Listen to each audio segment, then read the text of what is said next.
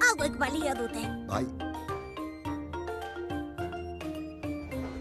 Presti puin txikiak eta soinu handiak. Itxaro nahi da, unetxo bat. Ra, ra. Mm. La, la, la, la, la, la, la, la, Primeran, orain bai, grabatzera semedan bor. Eta ita txor-txor, Biok aurkeztuta, ipuin txiki, Soinu handi. gaur gurekin, Taran, taran, tan, tan. Kika eta Miguel, magia eta lumen historioa, Fran Carlo Paez eren ipuina. Taran, taran, tan, tan. Ez jolas parkeko mendi errusiarra ez euritan harineketan ibiltzea ez da etxe sorgindua bera ere. Miguelentzat ez dago munduan gauza jostagarriagorik bere osaba Luisen etxaldera joatea baino. Etxaldea iritik hurbil dago, klima epelean. Etxearen inguruan landa zabalak daude, eta landetan lasai asko bazkatzen dira behi pintoak. Txerriak ere badaude, Hauntzak eta hegazti bitxi batzuk, bustana zabaltzen dutenean munstroen begiak agertzen diren horietakoak. Baina horrek ez dio Migueli beldurrik ematen.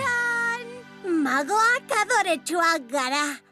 Makilatxo magikoa astindu eta animalien kombinazio bitxiak egiten ditu. Pegaso sortzeko adibidez, ahatea egoak zabalik jartzen du potxokaren gainean. Egan, Pegaso! Susi ardia berriz, ilea moztu gabe dagoenean, odei borobiltxo baten antzekoa da lau hankarekin. Ba, ba. Mutiko zenetik asteburu oro joaten da osabaren etxaldera bere aitarekin. Han lasai ibiltzen da harineketan iriko pixu txikiko orma artean baino lasaiago. Damba! Baina etxaldera hain pozik joateko arrazoi nagusia batez ere beste bat da Kika. Baina nor da Kika? Kika bere lagunik onena da eta bitxia badirudi ere olioa da. Ez edo zein olio gainera olio urdina. Miguelentzat oliorik politena eta argiena. Etxaldean piratek gordetako altxorrak bilatzen dituzte. Kikak aurkitzen ditu bere moko sendoaz lurrean arakatuta. Neptunoren bizar motza! Beste batzuetan superheroi harrigarriak dira, etengabe lanean zaldi eta txerrien alde. Zaldi eta txerrien alde! Asteburua amaitzen denean egun horietako unerik tristeena heltzen da. Kikari agur esatekoa. Agur, Kika! Miguelek ez du ia inoiz negarrik egiten, baina bularra estututa joaten da, eta errepide nagusira heltzean bakarrik arintzen zaio apur bat.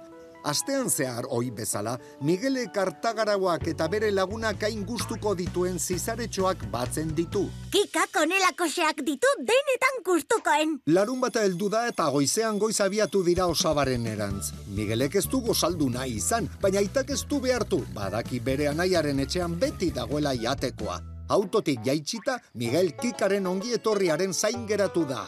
Kika, heldu naiz! Agertu ez denez, oilategian bilatu du. Kika, Kika! Ez du aurkitu, orduan ahaten putzuan begiratu du. Kika, non zaude? Arrastorik ere ez. Behien ukulura ere joan da, baina haiek ez dute txintik atera. Leher eginda geratu da eta triste ere bai. Hmm. Orduan osaba Luisek oiuka esan du denek entzuteko. Baskaria maian dago! Bazen garaia! Jangelan Miguelek gauzak eskagarri bat entzun du. Mmm, bai gozoa olioa saltxan! Eta hortxe bapatean dena ulertu du. Kika, kazolan dago!